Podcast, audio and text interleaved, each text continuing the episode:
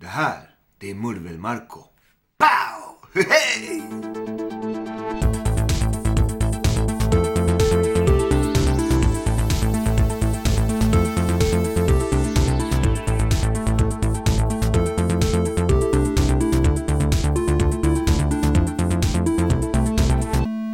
Eh, alltså det där, det där pauet. Vad, vad, Dogge, vad, vad kommer det ifrån? Jag vet inte. Det är väl någon som har gjort någonstans på någon tv eller någon rapvideo eller något. Någon gång. Och sen har jag väl bara plankat det omedvetet. Men det blev liksom en, en signatur för mig när jag gör eh, såna här shoutouts eller hälsningar eller liksom videosnuttar. Då blir det liksom alltid ett bra slut. Framförallt om någon står och filmar. Då kan alltid säga så här. När jag gör pow, då är det stoppknappen som gäller. Och det, det, det funkar liksom. Då, blev, då blev det det liksom. Så att det, den har ju blivit någon signum för mig. Men, men symboliserar inte det ett pistolskott? Eller, eller vad står det för dig? Det- Jag gör ju, näst, jag gör ju pistolstecknet när jag gör den. Och så gör jag pow. Så det ska ju vara ett, alltså, helt rätt. Det kan vara ett pistolskott. Men jag är en fredlig snubbe och jag tänker inte alls på eh, pistolskott. För mig är det nog så här mer Bow! Där satt den liksom. Mer så här pricken över i på någonting man gjorde snabbt liksom. Men det är klart, jag formar ju handen till en pistol och gör så här pow. Men det är absolut ingen så här... Eh, jag tänker inte alls på pistol och våld. Jag tänker liksom mer så här, yeah, där satt den eller något sånt där. Nu låter det här som världens längsta intro på Murvelmarco och ni undrar varför Dogge Doggelito är med i en mediepodd. Men det finns ju så här ett nära samband mellan artister och nöjesvärlden i övrigt och nöjesjournalistik. Utan den så skulle inte det fungera. Vi går hand i hand helt enkelt. Och vi ska prata en del om journalistik i dagens eh, program. Men jag tänkte börja med det som har drabbat artistvärlden väldigt hårt, coronan. Hur har det drabbat dig och, och din karriär? Uff, ja den har ju verkligen märkts för att eh, jag var en kille som eh, hade, utan att skryta, jag heter Dogge Populär. Jag har ju har alltid haft turen att få vara populär i olika nöjessammanhang. Både tv-program, shower, föreläsningar, allting. Och eh, just i år så hade jag figurerat i många tv-program och så här och det hade ju gett jättemycket bokningar. Och i år var det också året vi skulle eh, samla ihop gubbarna i Latin Kings och uppträda. Och, så det var ju så här jättestora bokningar på gång som var bokade och almanackan var full. Och allt kändes så här kanon. Och sen var jag hemma i Puerto Rico i mars någon gång. Så kom jag hem. Och precis när jag kom hem, bara någon två dagar, så bara kom coronan och bara förstörde allt. Och så tror jag det var en torsdag där typ så här 11 personer ringde. Bara, "Åh, jag är ledsen. Ja, vi måste boka av det här. Och det, var liksom... Så den torsdagen till nästa torsdag, det var ungefär en- under en veckas spann. Då ringde bara folk och avbokade allt som hade bokats på. Och det var liksom allt. Så jag tror ett tag där var almanackan så tom att första jobbet skulle komma typ 15 augusti eller någonting. Så det bara, allt bara försvann. Det bara, boop. Så helt plötsligt var man liksom, hade inga jobb. Man blev jätteledig liksom. Och först blev man ju så här lite rädd liksom. Shit, hur ska jag klara det här med alla utgifter och barn och lån på hus och bilförsäkring och man blev ju lite så här skärrad ändå liksom. Sen när man tittar på nu i efterhand vad corona har gett så har det ju liksom varit bra också för att man har kunnat gå igenom saker som man inte hade tid med förut. Ett, var det mer med barnen, var det mer hemma. Eh, man har kunnat röja, städa, plocka fram gamla grejer som man skulle gjort för länge sedan som aldrig blev gjort. Så så sätt har ju corona varit fantastiskt. Vad, vad pratar vi om ekonomiskt för, för tapp? För jag kan tänka mig att Ah. The Latin Kings, ett, ett sånt gig genererar rätt mycket. Ja, ja, ja. Det, jag vet inte hur mycket alltså, men eh, bara på några månader här, det är några hundratusen som bara, om inte mer alltså. Jag kan inte prata i pengar, men Mycket pengar har liksom jag gått miste om. Som jag skulle ha tjänat liksom. Men eh, samtidigt så har jag uppskattat mitt liv bättre och förstått att eh, pengar är skitnice och allting, absolut. Och allt man kan göra med pengar, I love it liksom. Jag ska inte säga så, men det har också, för mig, så har en stress försvunnit ganska mycket. Jag, jag är en person som jag sa har varit populär och haft otroligt mycket att göra. Så jag har inte haft tid med mig själv. Har inte kunnat haft tid med eh, min familj lika mycket liksom.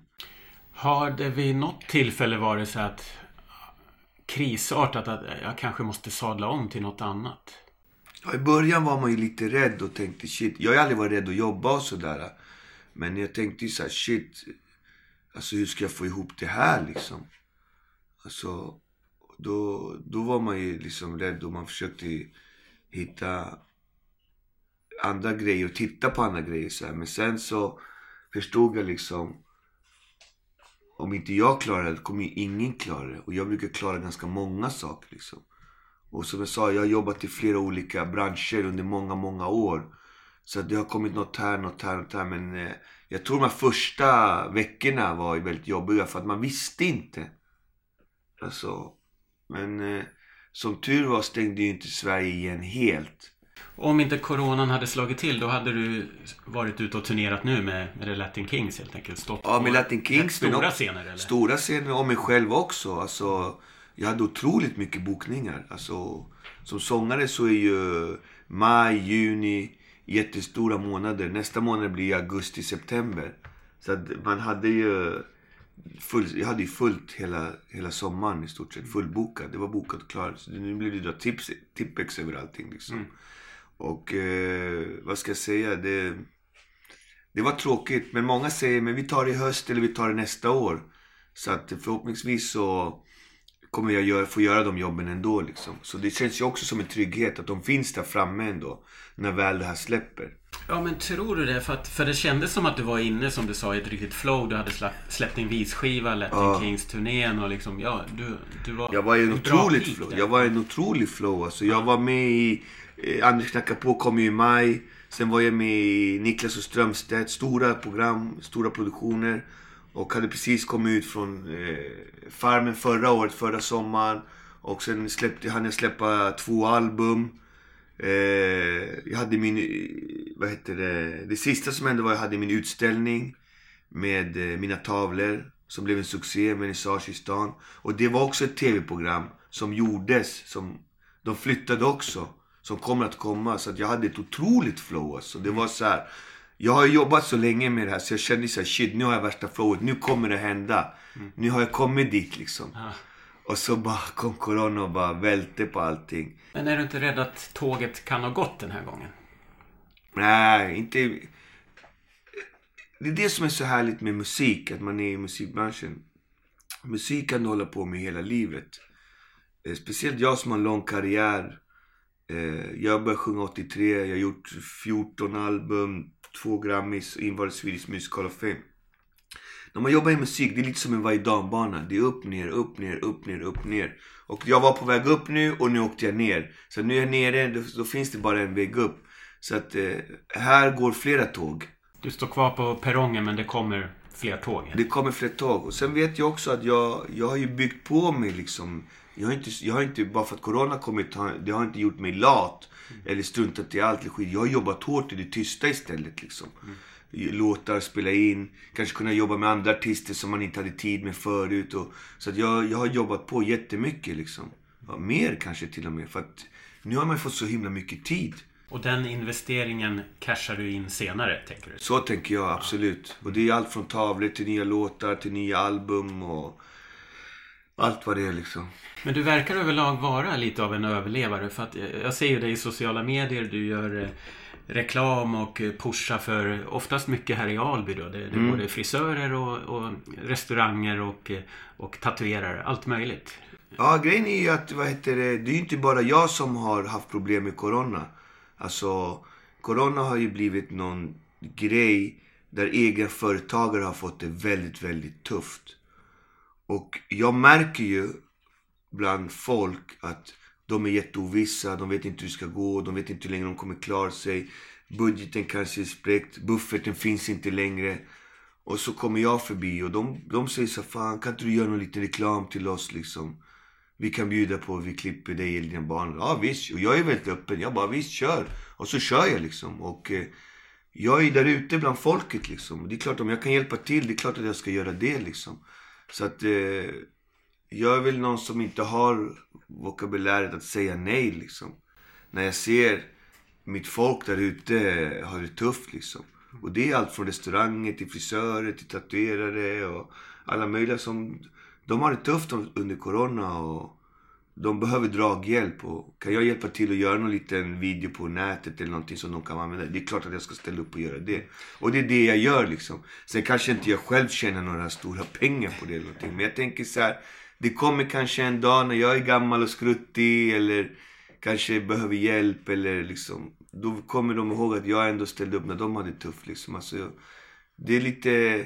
Lite karma. Ja, alltså lite exakt. Att liksom man, man får hjälpa varandra och jag tror att det här kan vara bra. Vi har ju haft ett väldigt egocentriskt samhälle sista åren i Sverige liksom. Där många har bara tänkt på sig själva och få åt sig. Det här corona kanske gör att folk kommer närmare varandra, hjälper varandra och inte blir så egoistiska alltid. Man behöver inte alltid, alltid tjäna pengar på varandra eller på folk. Man kan också hjälpa varandra. Och det, det tror jag kommer vara ett vinnande koncept i längden för de som tänker så. Men känner du någon gång att, att ditt kändisskap utnyttjas av, av omgivningen?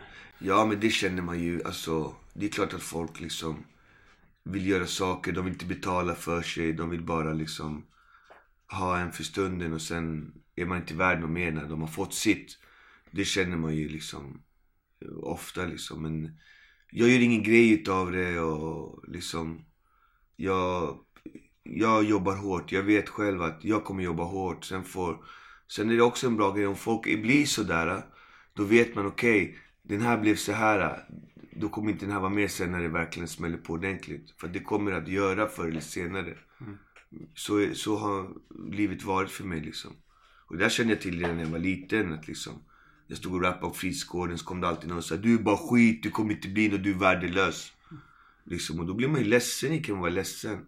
Sen bara, fan men jag kommer komma tillbaka, det kommer visa någonting. Och sen kanske gick några år. Så att man i Täby centrum hade släppt någon ny skiva och skulle sälja den på någon CD-butik. Och så såg man den här killen som var, vi hade blivit vuxna nu. Så stod han med sin son och sonen var Dogge-fans. Så då vet man att what goes wrong comes around alltså. Mm. Så att för mig som artist är det alltid viktigt att vara snäll, ödmjuk och hjälpa mitt folk. Men det känns som att du lite naivt hoppar på allting egentligen. Har du svårt att säga nej? Nej, egentligen inte naivt. Allt är ju självvalt. Jag är ju vuxen och vet exakt vad jag gör. Jag vill bara göra saker. Jag gör otroligt mycket saker. Mm. Så att jag vill bara göra så mycket jag bara kan. Min fru är inte så glad över det liksom. Hon bara, det här hon brukar säga så här, får du betalt för det här? Säger nej, jag bara gör det. Hon bara, okej, okay, men du ska inte göra eh, det där till exempel. Det där är inte bra. Så, det är diskussion som finns hemma. Sen har jag också en eh, ny agent som hjälper mig. Och han vill ju höja allting liksom. Om vi säger att vi har gjort den här grejen och jag tar 3000 för den. Sen säger men du kan inte ta 3000, du måste ta 5000. Det här är för billigt. Du, liksom, du kan inte göra det här för, för så här. Det här är så att det, det är en diskussion som ligger eh, faktiskt eh, för mig. För att jag gör otroligt mycket grejer som egentligen tar bara min tid. Mm. Egentligen. Så att, men jag, ty- jag har väldigt roligt ändå liksom. Jag... Men, men säg så här att du, du kanske tackar ja för snabbt utan att tänka efter. Ja, det kan vara så. Det kan vara för snabbt och det kan vara ogenomtänkt. Men man måste förstå mig som människa och min livsfilosofi. Jag tänker också inte som alla andra människor. Jag har varit med så pass länge så jag tänker så här. Livet är väldigt, väldigt kort. Du kanske har den här resan. Nu håller jag upp som man inte ser i, i ljudet med två händer.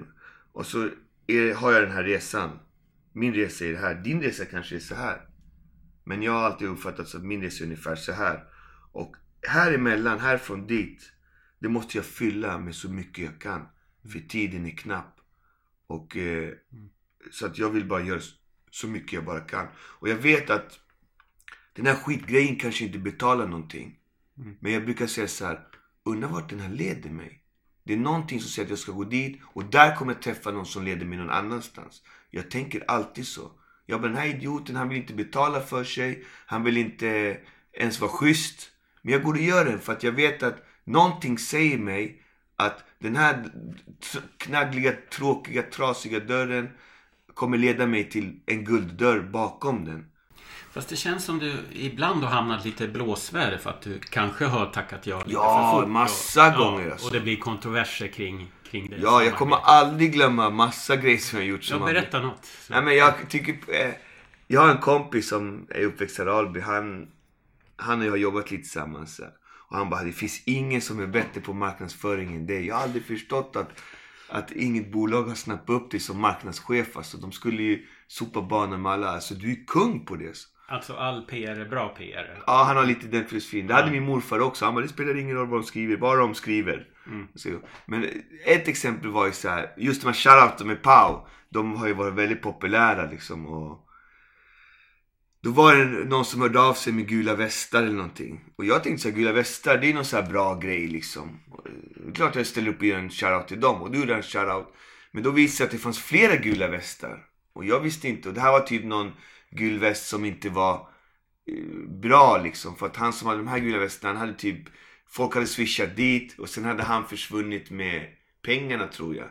Och sen var han med, sen var han med i någon, som jag inte visste, någon, någon dålig organisation eller något. Jag, jag vet inte men. Och, och de bara, hur kan du göra med den här? Det här är ju bara skit. Folk blir jättearga. Jag bara, men jag, jag trodde att du gjorde för gula västarna. De bara, men vet du inte att det här är de dåliga gula västarna? Och jag bara, har ingen aning liksom.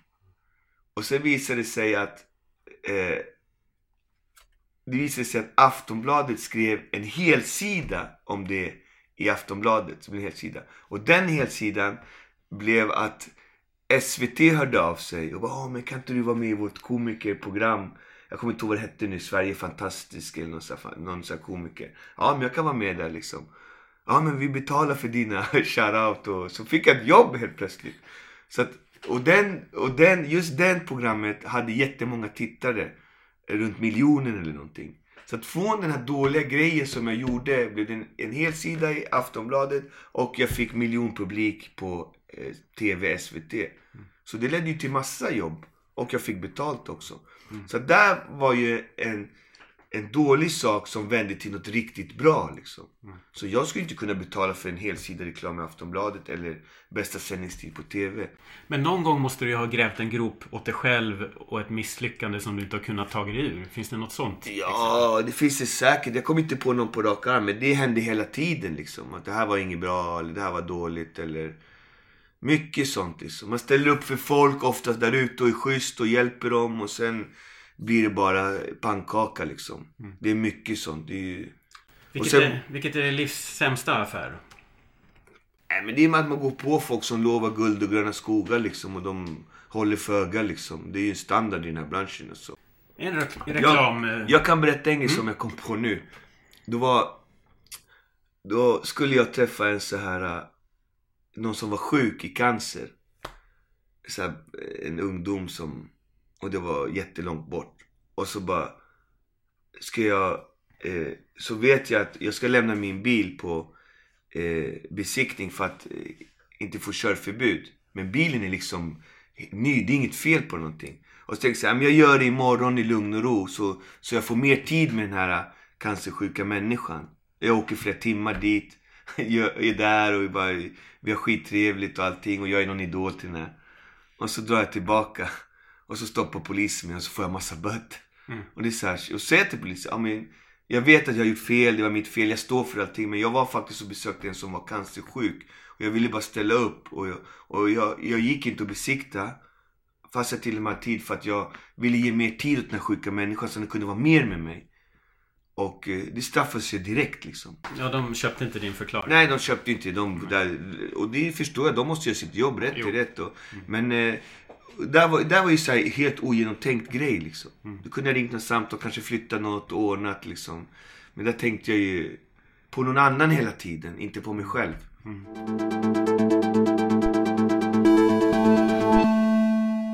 Jag passar på att följa med doggen när han rastar hunden också. Att eh, bo i sin uppväxtort. Är man profet i sin hemstad eller finns det också den klassiska svenska avundsjukan här ute i förorten? Eh, jag tror att avundsjuka finns i, överallt, det är såklart. Men jag, bor i, jag brukar säga att jag bor i ett land i Sverige. Det här är inte... Det är väldigt få svenskar som bor här. Alltså. Så det här är ju som ett annat land. Och eh, man säger... Så att jag... Här är folk mest glada för min framgång och, och pushar den och stöttar den och är schyssta liksom. Så att den riktiga svenska avundsjukan, den finns inte riktigt här. Jag bor ju på Pakistangatan och här är de mest glada för att jag gör det jag gör liksom. Pakistangatan, vad menar du? Ja men det bor så många pakistanier här. Jaha. Så att eh, det, det, det är liksom inte Sverige. Det, jag har till och med fått åka till Pakistan att jag bor här alltså. Ja.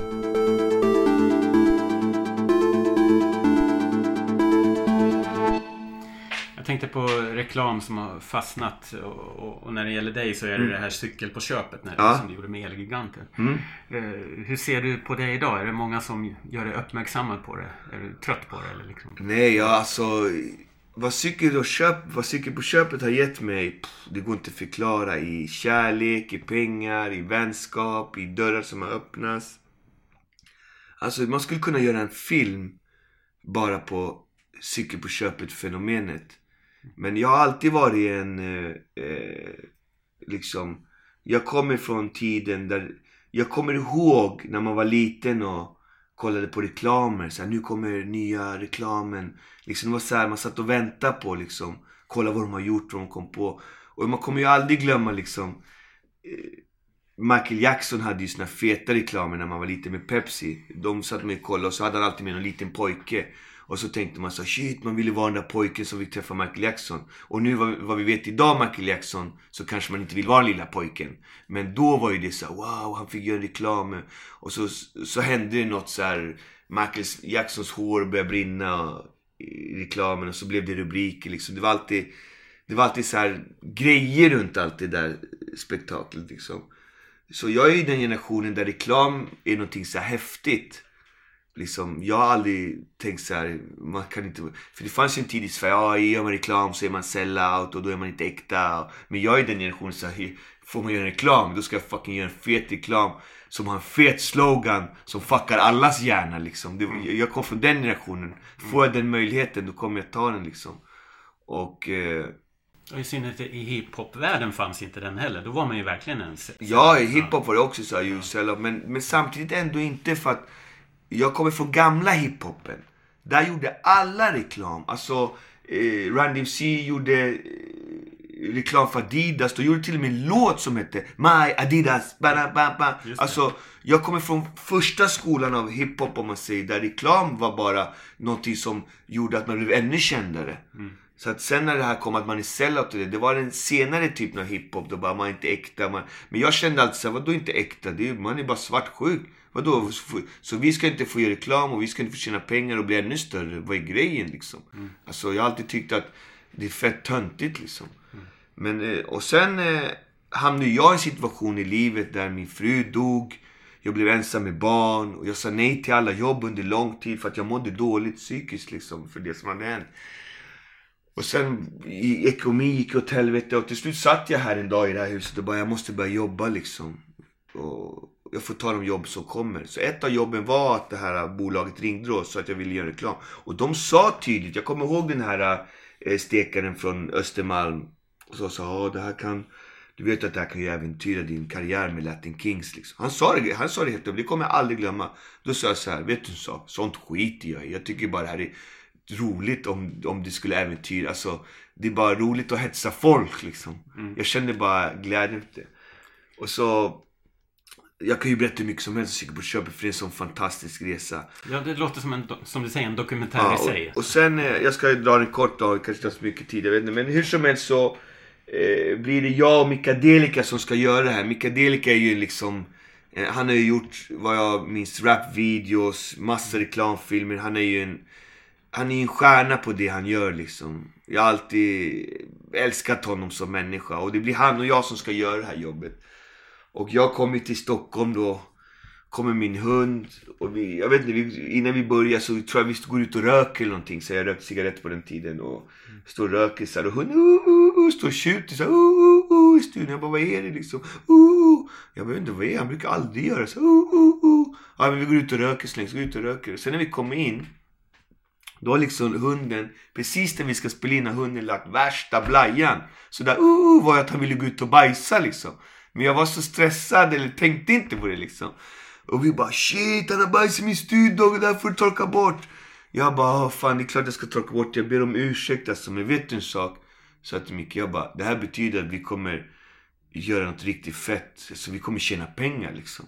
Göra en kort, en lång story kort så blir det någonting som slår i hela Sverige riktigt ordentligt. Alltså det, efter det fick jag åka runt tre år. Liksom. Jag åkte till olika... El, jag gjorde turné på Elgigantbutiker. Det var köer runt hela butikerna runt och bara delade ut dammsugare och tv-apparater och cyklar och bara uppträdde in i butiker och mm. folk tog kort och det blev liksom...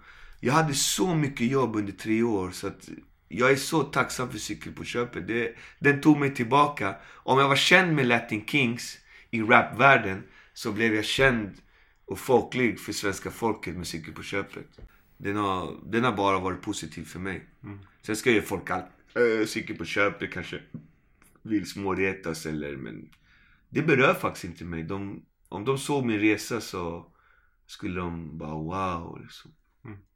Ja, det, det, det jag gillar med dig och, och tror jag lite gemensamt med dig också. Att det, skiter i vad folk tycker. Bara, bara liksom kör. Bara man har landat i det själv. Ja. Uh, men jag har alltid varit sån. Det var, jag kan gå tillbaka långt tid. Det var när jag började rappa också. Så bara, kom, jag minns folk ändå. Svenskar som bara, man kan inte rappa på svenska. Det flowar inte. Svenska är inget rapspråk. Och jag kommer från Malmö, Jag bara, man kan rappa på alla språk. Du kan rappa på kinesiska, turkiska, syrianska, spanska. Du kan rappa på alla. Nej men det går inte. Du vet, mm. då, sku, då kunde man bara rappa på engelska. Så när jag var med i Rap-SM 90 92. Då rappade alla på engelska utom jag. Jag rappade på svenska. Men det var ett vinnande koncept. För jag gjorde något som ingen annan gjorde. Mm. Okej, okay, jag vann inte men jag vann publikens hjärta. och Den tog mig på tredje plats och jag fick en ordentlig rapresa. Så att redan där lärde jag mig att liksom som karpen simma mot strömmen eller vad man säger liksom. Eller laxen eller vilka det är. Men alltså man, man behöver inte simma med allt och alla. Man kan gå sin egen väg.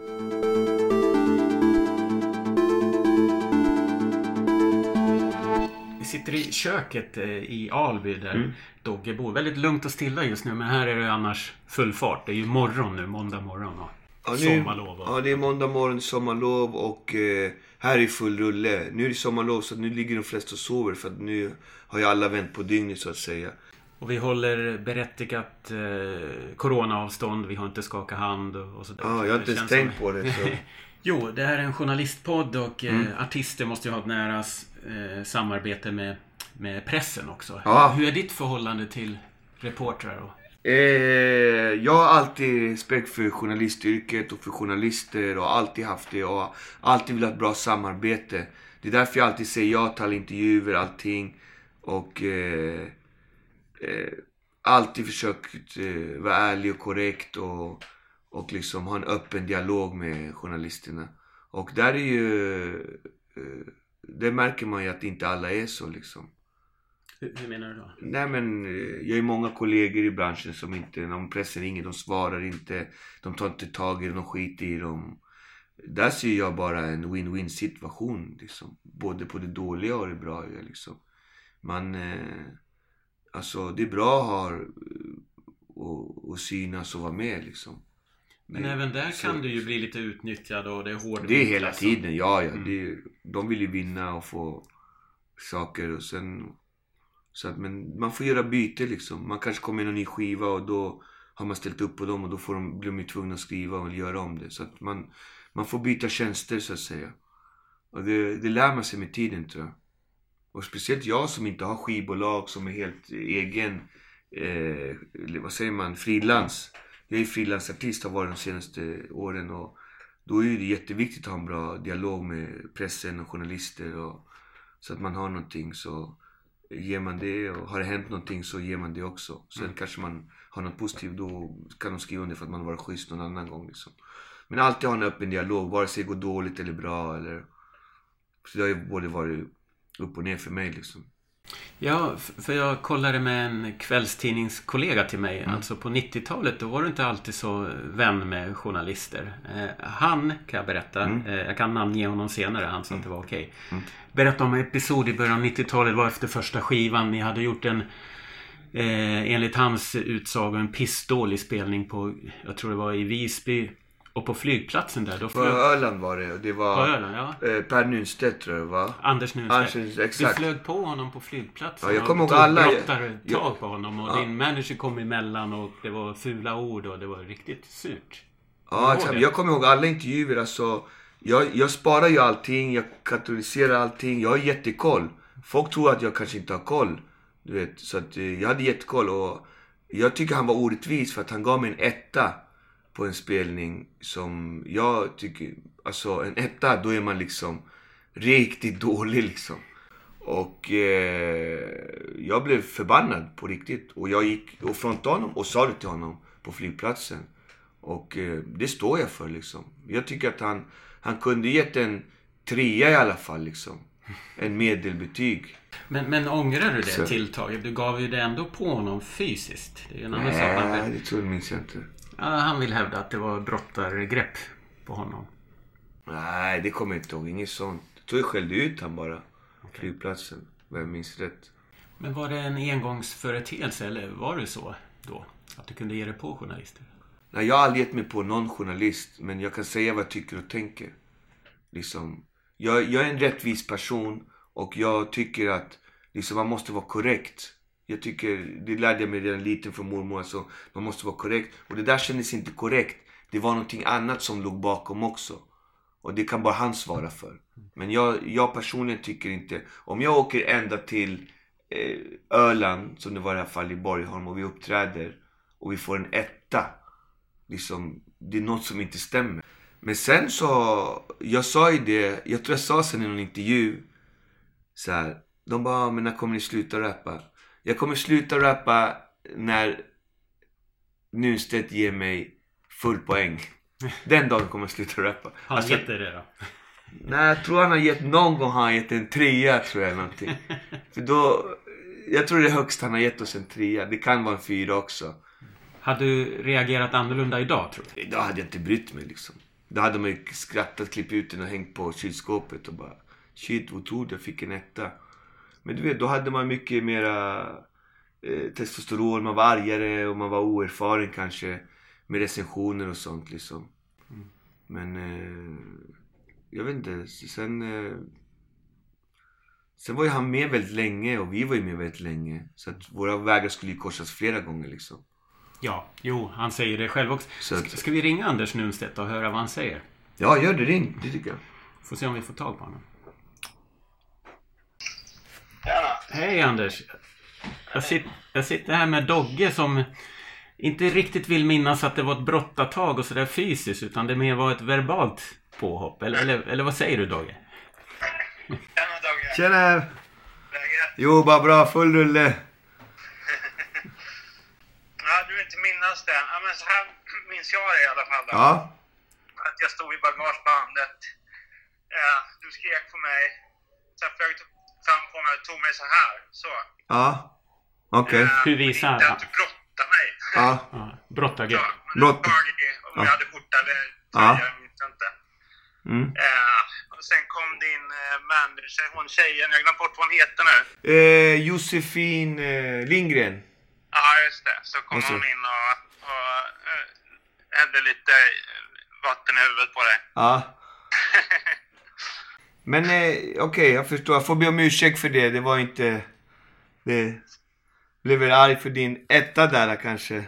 Ja, eh, det var nog det som låg i botten tror jag. Vi hade ju haft eh, kontakt innan. Jag, jag tror jag skrev rätt positivt om er skiva. Jag gillar den väldigt mycket. Ja. Så vi träffades i Vasaparken och gjorde en rätt, rätt stor intervju. Ja. För Expressen Fredag som fanns då. Som var en ganska... Ja, Ja. exakt. Det var, en, det var ju den med när vi hade några eh, badmintonracket och... Var det den intervjun? Ja, precis. Eh, eller om det var Bull. Men det är Ja. Bol var... Ja, exakt. Något sånt där. Ja.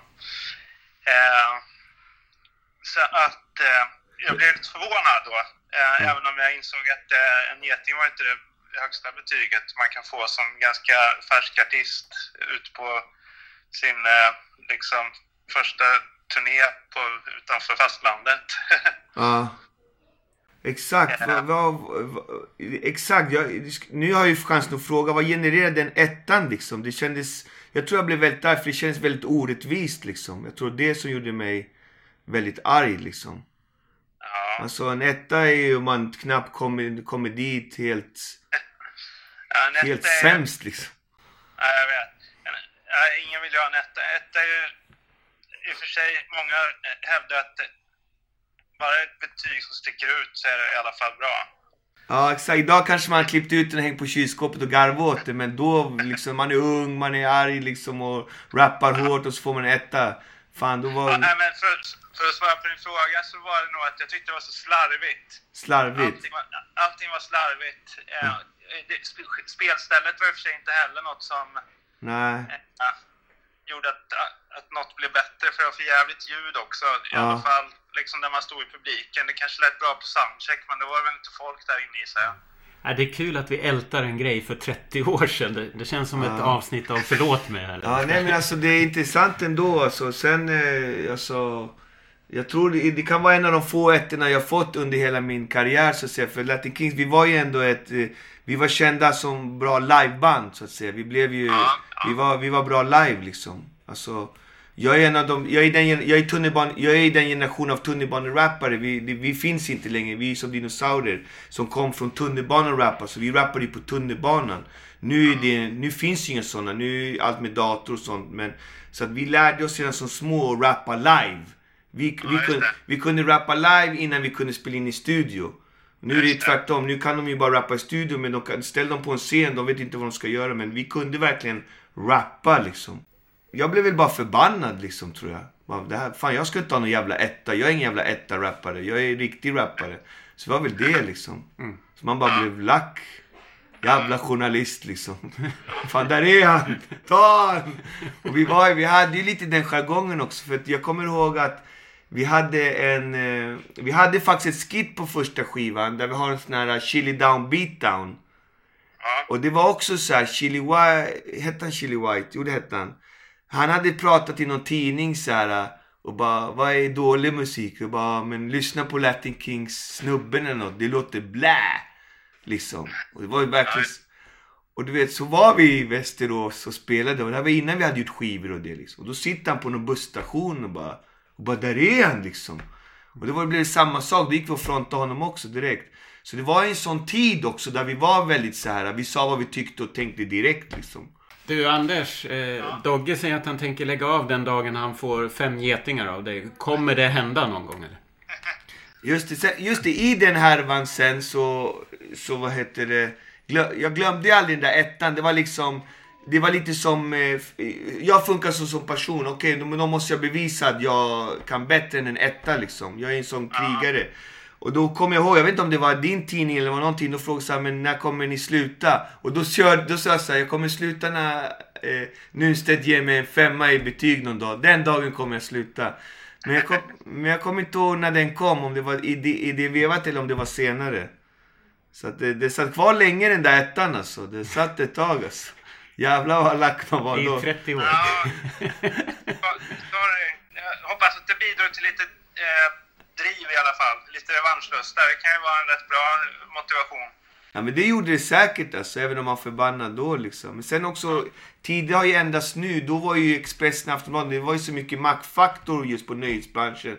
Det som skrev, folk lyssnade på det och tog till sig det och det där var ju väldigt dålig reklam för oss om man säger liksom. För att Ja, det gjorde ju att folk inte ville boka oss liksom. De är bara netta. Då, då, idag kanske inte folk lyssnar lika mycket på Expressen och Aftonbladet. Men på den tiden var det ju så. Det hade ju väldigt mycket power liksom. Tror jag. Ja, det, nej, men det eh, jag får be om ursäkt när jag har chansen nu för tilltaget och det som hände. Det är verkligen inte min person så liksom. I alla fall inte nu för tiden. Då kanske man var lite argare i sinnet sådär men... Eh, men tack för rättan och sorry för tilltaget liksom. Det, är- det Dogge. Vi har ju träffats flera gånger sedan dess. Så att, Ja, det har blivit många recensioner sedan dess så att säga. Så... Ja, men vad bra. Jag tror inte ett öga är torrt där ute i, i, bland lyssnarna. Att vi har rätt ut där efter 30 år. Det känns Ja, bra. just. Skönt. Det är Marcos podd nu ja. Ja, vi, vi kör. Vi bandar alltihopa här. Så att, eh, ja. Men tack Anders. Ja, Tack så mycket Anders. ja vi hörs. Hej då.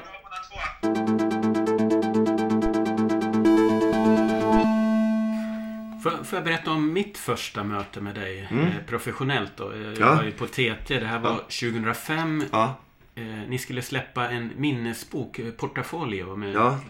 Latin Kings karriär i bilder och Ja. i, i bokform också. ja, Och då hade skiv, eller bokförlaget bokat upp ett rum inne i stan. Där var bröderna Salazar var redan på plats.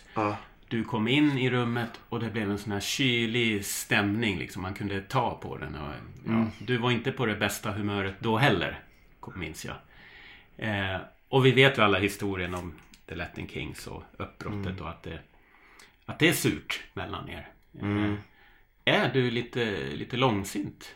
Eh, nej, men jag gillar, vad heter det, det är inte långsint. Jag gillar, vad heter det, att vara korrekt. Man ska vara korrekt väldigt mycket. Och grejen är att eh, Portafolio var egentligen slutet för Latin Kings. Så att jag hade ingen kontakt med dem. Men på grund av boken var jag tvungen att gå på de här grejerna. Så kändes det också. Att du var Ja, där. jag bara, men Ja. jag vill inte vara med här längre. Jag har liksom slutat där. Jag är inte med. Men någonstans blev jag påtvingad att vara där på grund av boken och liksom... Och eh, jag, jag, var inte, jag fick inte ens vara med och vara delaktig i, i den här boken. Så jag kände liksom...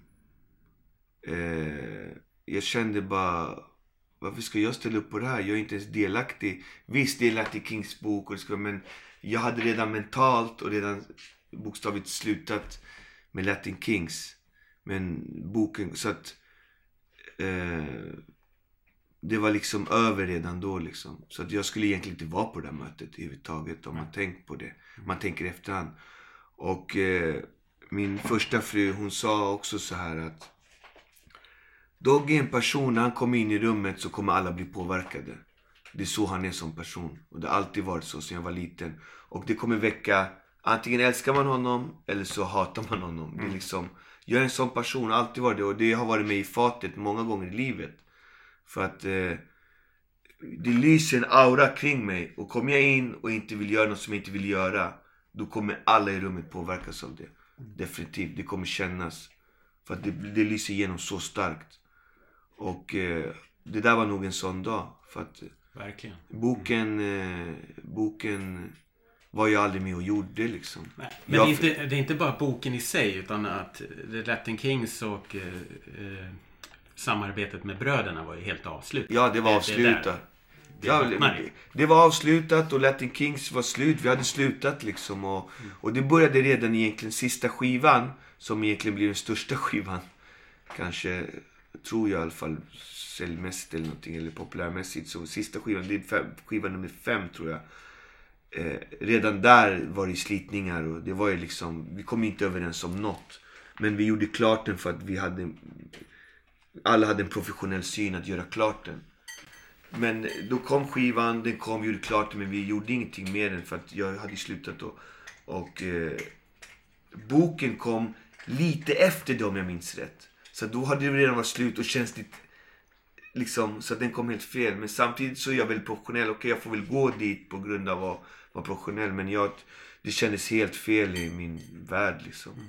För att den boken var jag med väldigt lite och gjorde liksom.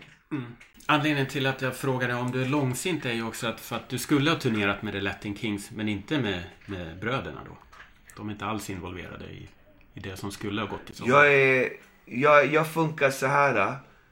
Jag glömmer aldrig. Jag är som en elefant. Man brukar säga elefantminne. Eller hästminne. Alltså, jag glömmer aldrig en oförrätt. Alltså visst, man kan göra fel och såna här saker. Men eh, jag kommer aldrig glömma det. Det, det, kommer, det finns inte i min DNA. Vad, vad är det för oförrätt? Nej men alltså det kan ha hänt något eller någonting och, och då, då när, jag, när det är slut, då är det slut. Det finns inget så här bli kompisar sen eller vi glömmer det här eller liksom. Du ser, du frågar nu om Anders. Jag kommer ihåg exakt. En annan artist hade inte ens kommit ihåg det där. Alltså vi snackar en sak för 30 år sedan. Jag kommer, du kommer inte ens ihåg vart, men jag kommer ihåg till och med vart det var. Jag sa ju till och med gott, ja, du sa gott, jag sa nej det är Öland. Jag kommer ihåg exakt så, så jag glömmer aldrig. Så att oförrätter glömmer jag oftast aldrig. Det är liksom, det är min DNA. Så att eh, det är så här, gör du bort det för mig, då räkna inte med mig någon gång mer. Det kommer aldrig hända. Det är liksom, jag brukar tänka så här, vad bra, det här kostade mig att bli av med dig. Jag tänker ofta så. Och jag vill inte vara kompis eller lösa det eller något. Nej, jag vill lämna det så. Du gjorde det där, du, du är vuxen, du kunde tänkt. Så, så jag är nog jättelångsint. Jag blev ovän med min mamma en gång. Jag var ovän med henne i tio år. Oj. Och det är min egna mamma. I tio år Ja. Hade vi ingen kontakt, ingenting. I Shit. tio år. Vad hände då? då? Vad, vad var orsaken till det? Eh, orsaken till det var att hon sa konstiga saker när min fru hade gått bort. Och där visade många sitt ansikte när min fru gick bort som jag inte accepterade. Då sa jag så det här accepterar inte jag. Så att, bra, då får det vara så. Då kan du tänka dig, om jag kan vara ovän med min mamma i tio år. Någon, någon, någon bara från gatan som elak mot mig. De, jag skiter i dem. Alltså jag, för mig, det, det kommer aldrig lösa sig. Jag är ledsen, men det är så jag funkar. Så när folk frågar så ah men Latin Kings kommer aldrig hända. Det är så? Ja, Aldrig? det finns inte på kartan. Så det vi kan göra är att de som var i Latin Kings, för vi var i olika konstellationer under många år. Vissa år var vi tre stycken, andra år var vi fem stycken, vissa år var vi sju stycken. Det vi kan göra är att de som jag kom överens med och jag inte har någonting med, de kanske man kan uppträda med. Och det var den konstellationen vi skulle uppträda med nu. Det var jag, Rigo och Daddy Boastin och Assan Jax. Så vi var fyra. Så det blir väl eh, 80% av Latin Kings i stort sett liksom. Som kunde uppträda. Och, men jag aldrig velat jag har aldrig velat återuppta Latin Kings. Jag är den som bara, äh, men det där gjorde vi då. Jag, gör, jag tittar aldrig bakåt. Jag tittar alltid, för jag gör alltid nya låtar, nya skivor. Jag gör aldrig något som jag redan har gjort. Jag har redan gjort det, varför ska jag göra det igen? Men suget har varit så stort från fans, från... Alltså det finns en ny generation nu som, inte, som missade Latin Kings, som har växt upp, som gillar Latin Kings. För mig är det helt sjukt. Jag bara, men du var inte ens född då. Jo, men jag älskar Cashen om Tas, det är min favoritlåt. Jag bara, shit så här. Då blir det så här, man kanske ändå måste ge dem att de får se Latin Kings live någon gång. Och då gjorde jag en spelning på Nalen. Där jag eh, samlade då de som kunde vara med och uppträdde de här Latin Kings-låtarna. Med mina al- soloalbum uppträdde på Nalen och det blev ju en sån succé. Så att då tror jag därifrån hörde de här av sig då bara, men kan inte köra Latin Kings på den här stora 90-talsfestivalen? Och den festivalen är ju så här 90-tal. Den heter ju så här Vi som älskar 90-talet. Och Latin Kings var ett 90-talsband. Och det var absolut inte för några pengar eller någonting. Det var så här, men då kanske vi kan ge alla som missade Latin Kings eller minns Latin Kings en sista grej liksom. Och då blev det, ja vi kör. Och sen kom Corona och välte allt ändå. Ja, precis. Det tåget gick nu. Ja. ja. Ja eh, Tråkigt. Ja. Mycket trevligt att prata med dig. Jag brukar utsätta mina gäster för ett litet test på slutet. Är du med på det? Ja, kör. Eh, jag tänkte, vi befinner oss ju i ditt kära Alby. Ja, En förort som är i stark kontrast med ja, kanske Stockholms rikaste del, Ja. Djursholm. ja. Hur mycket känner du till om Djursholm om jag testar det på det? Inte mycket alls. Jag vet ju att röda linjen går ju från fattigaste stället i Sverige till rikaste stället i Sverige. Bara genom att åka på röda linjen. För du hamnar ju typ åt det hållet när du åker längst bort på den här linjen. Eh, Men eh, jag kan ingenting om det. Jag tror jag inte ens har en kompis där alltså. Jag tänker på Jag känner ingen där liksom. Så jag kan inte ens ha fördomar om det för att jag vet ingenting om det. Så kör ditt test. Min första fråga handlar om tunnelbana. Okej. Finns tunnelbanestationen Djursholm? Nej, det är ju Mörby centrum då måste det. Eller vad blir det? Nej, det finns ingen tunnelbana. Det, de har... Eh, de har väl någon sån här tåg, vad heter det? Det heter... Eh, vad, vad heter de där tågen som går utanför? Det är inte spårvagn, det är det andra. Eh, det heter... Ja, det andra tåget. Du är rätt. Eh, du är ju- något på spåren, ja. Roslagsbanan. Roslagsbanan Ja. exakt så heter det. Det finns ingen tunnelbana i... i Stämmer. Ett rätt. Bra, du kan ju Djursholm. Eh, går det färjor till Djursholm? Alltså sån här vanlig Djurgårdsfärja? Det typ. borde gå Djurgårdsfärja till Djursholm. Eh, om det gick till Slagsta när jag var liten. Det går till öarna där. Har de, någon? ja, de borde ha Djursholm. De, en holm. En holme borde ha färja. Jo, det går färger. Du menar att det finns vatten runt Djursholm? Och... Ja, det är en holme. Det heter ju Djursholm. Så det borde Mm. ju finnas. Det borde gå en färja. Men de kanske har tagit bort den senare åren. Nej, det går faktiskt Det färja. går ingen färja? Nej, Ah, Okej, nej. då har de stoppat det. Och det var faktiskt rätt kontroversiellt. Jag vet inte om du minns den här Netflix-serien eh, eh, Störst av allt? Som Nej. handlade om som här eh, eh, stekar-kids. Ja, just det. De, kanske, de äger tomterna där vid vattnet. Så de vill inte Ja. ha några färger där. Nej, kanske det. Men då var det så att då hade de klippt in en bit där man åkte färja Ja. till den här rika delen. Okej. Men det stämmer inte. Djursholm har ingen, ingen Ah, okej. färjeförbindelse på det sättet. Ett av två rätt. Eh, hur många tror du bor i Djursholm? Om vi pratar tusentals. Ja, om du bor... Ja, säg Djursholm. eh, 14 000. Ja, det var bra gissat ändå. 16 då kanske. Ja, Mindre du är ju där. Det är mindre. Ja, det är mindre. 9000. 9000, okej. ja. Men det där ger jag ett halvt rätt för tycker jag. Ja, okej, ja. Jag tycker det var bra. Vad heter gymnasiet i Djursholm? Det stora, enda. Eller enda vet jag inte, men det största gymnasiet. Gymnasiet kan det inte heta. Någonting med Ås. Nej, det här måste man nog veta om man ska veta. Det heter Viktor Rydbergs gymnasium. okej, ingen aning. Efter en stor författare. Ja, okej. Victor journalist. Rydbergs gymnasiet, det kunde jag inte alls. Nej. nej. Eh, om du vill äta ostron och champagne, det vill man ju i Djursholm. Mm. Vart, vart går man då någonstans? Det måste ju vara någon brygga någonstans. Där det inte går någon båt till. eh, det kan jag inte heller alltså. Ah, där hade du inte mycket rätt. Man går till Djursholms torg. Djursholms Som torg. inte okej. ligger vid vattnet, Okej. vad jag tror. Ja. Och så går man till Monrads. Måndags. Och vad är det då? Ja, det är en restaurang med skaldjur och, och Aha, fisk. och okej. där. Och, Wow. och ostron. Ostron vill man äta på måndags. Det ska jag göra någon dag faktiskt, nu när du sa det. Jag tror att de finns, har någon filial eh, i Sandhamn också. Förstås. Ja, ja. Ja, ja det, det var vitt skilda kontraster mot var vi befinner oss just nu när vi spelar in den här podden. Ja, ja. Men i Alby, det, det är ditt hem och, och eh, det är här du kommer förbli. Du blir inte lockad av Djursholm nu när du vet lite mer. Jag är för fattig för att bo i Djursholm. Så att jag skulle inte ha råd att bo i Djursholm. Men jag skulle gärna testa att bo en vecka och se hur det är i Djursholm. Om någon rik bjöd in mig. Och, men jag är ett fattigt trubadur och eh, jag har accepterat det liksom. Jag är här och krigar på här i, i Sveriges fattigaste kommun. Men vi kanske är fattiga i pengar men vi är rika i kultur. Och det är otroligt värde för mig som konstnär. Tack Dogge. Eh, vi gör en sån här corona-hälsning. Ni ser den inte i, i bild utan vi gör den med, med armbågen. Yes, armbågen. Tack så mycket Tack för en själv. trevlig pratstund. Ja. Alla som vill följa mig kan följa mig på Facebook, Instagram och jag bloggar även nu också som blogger Bloggelito. Så att hör av er och tack för den här gången. Ja, kämpa Dogge. Yes, vi kämpar. Och kan vi inte få ett sista... Blau! Ah, den var en, en stereo pow.